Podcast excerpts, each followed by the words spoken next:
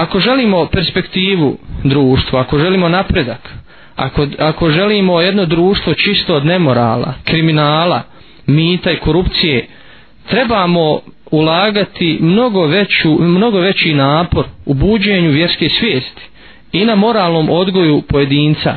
Nema drugog puta. Nema drugog puta. Inače, to je bila zadaća svih Božih poslanika i vjerovjesnika, alaihimu salatu wasalam, njihova osnovna zadaća, osnovni cilj je bio da odgoje pojedinca, a time i da odgoje generaciju, da u njegovo srce i svijest usade čvrsto vjerovanje u Allaha subhanahu wa ta'ala u sudnji dan i polaganje računa za svoje djela. To je bila osnova misije svakog poslanika. Zbog toga je naš poslanik Muhammed a.s.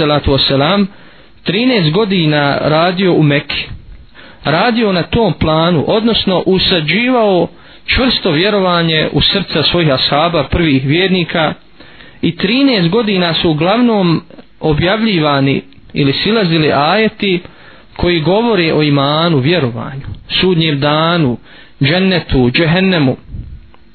Baš zbog toga da se učvrsti to vjerovanje u srcima prvih vjernika, odnosno prvih muslimana u Mekiji. Tek kad je poslanik alaihissalatu wasalam sa svojim ashabima učinio hijđu u Medinu, tada su počeli češće dolaziti ajeti koji sadrže pravne propise. Oni koji analiziraju općenito koji analiziraju poslaničku misiju a prije svega misiju našeg poslanika Muhammeda alaihissalatu wasalam zapazit će da Kur'an mnogo više govori i mnogo je više ajeta koji govore o vjerovanju o Allaha subhanahu wa ta'ala i o vjerovanju u onaj svijet nego ajeta koji govore o pravnim propisima. Zato u Kur'anu recimo ima preko 500 ajeta koji se odnose na regulisanje društvenih odnosa. A ako znamo da, da Kur'an sadrži više od 6000 ajeta onda je ovaj broj pravnih ajeta relativno mali. Znači Kur'an mnogo više govori o vjeri o vjerovanju u Allaha subhanahu wa ta'ala i onaj svijet i o moralu, odnosno lijepom ponašanju, obhođenju i prema Allahu i prema drugima, nego o pravnim propisima.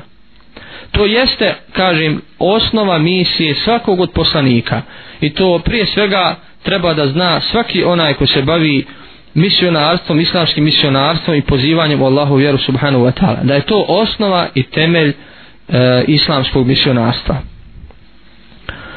e, zašto Kur'an ima ovakav stav, odnosno zaš, zašto je Kur'an e, prepun ajeta koji govori o vjerovanju Allaha i sudnji dan. To je zbog toga što je kuransko stanovište da je za jedan pravilan razvoj društva mnogo važnije učvrstiti vjeru i moral kod ljudi nego donositi pravne odredbe, iako i one imaju svoj značaj. Jer pravne odredbe bez vjere i bez morala ne mogu efikasno rješavati društvene probleme i ne mogu efikasno djelovati. Prema tome,